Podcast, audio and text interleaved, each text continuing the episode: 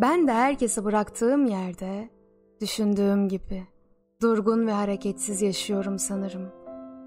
Bir ihanet kokusu seziliyordu derler ya. O zaman daha evliydim. Bazı güçlüklerim vardı. Konuşmakla geçeceğini sanıyordum. Seni aradım. Seni görmek istiyordum kısacası.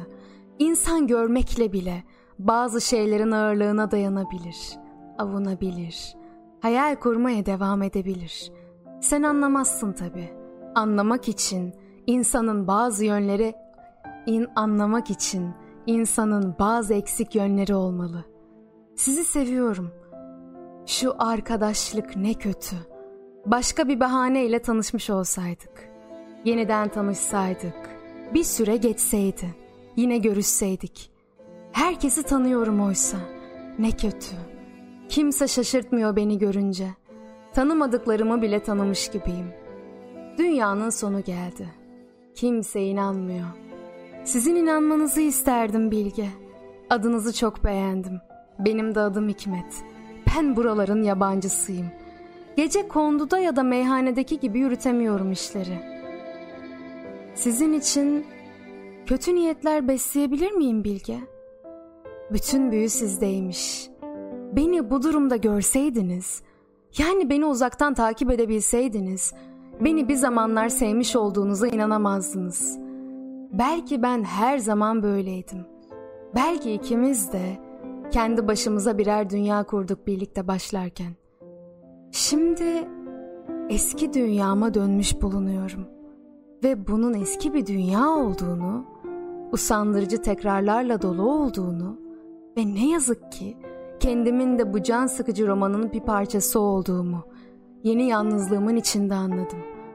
Artık sanki yaşamıyorum, yaşayan birini seyrediyorum. Daha önce bildiğim romanı okur gibiyim. Bir roman. Kendini okumaya başlasaydı herhalde bu kadar sıkıcı bulurdu kendini. Birlikte oldukları zamanlar içinde yine yalnızlıklarını yaşıyorlardı. Ne var ki?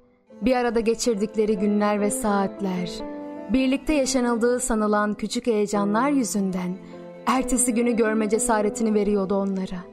Her biri kendi kafasındaki dünyayı yaşadığı halde hep birlikte oldukları için aynı nedende duygulandıklarını, aynı şeye güldüklerini sanıyorlardı. Bu onlar için bir yenilikti. Aslında hiçbiri yeni bir olay beklemiyordu.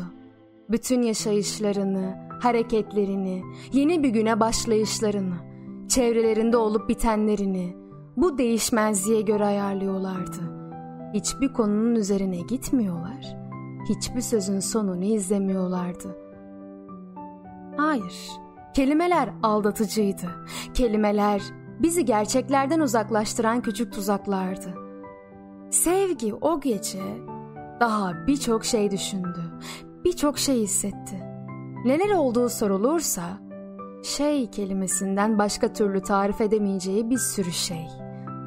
Allah'ım dedi sonunda. Ne olurdu bütün bu şeyleri anlatabilecek gücüm olsaydı. Ben de hayat bilgisi zayıf albayım. Bilge bunları bilir. Bu bakımdan akıllıdır. Birlikte olabilseydik insanlık çok yararlanacaktı bundan. Şimdi yanımda olsaydı böyle üşümezdim albayım. Beni bir arabaya bindirirdi hemen.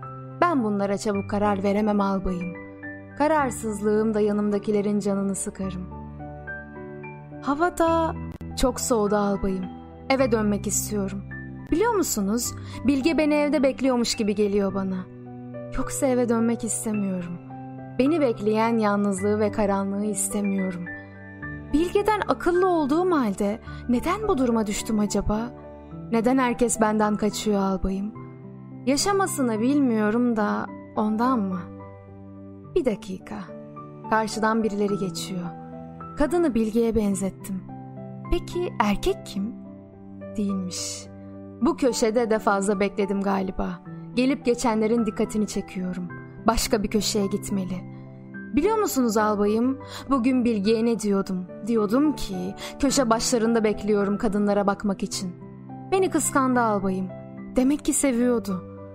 Ona öyle şeyler bulup söylüyordum ki bana hayran oluyordu. Onun için diyorum ki Odama dönmüş de beni bekliyordur şimdi. Eve dönmek istemiyorum albayım. Ya gelmemişse? Ne dediniz?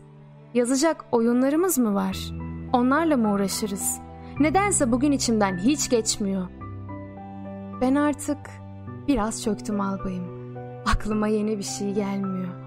Oyunlar beni de yordu galiba. Tabii bilgiye belli etmedim. Ama ben herhalde bu oyunlara artık devam edemeyeceğim.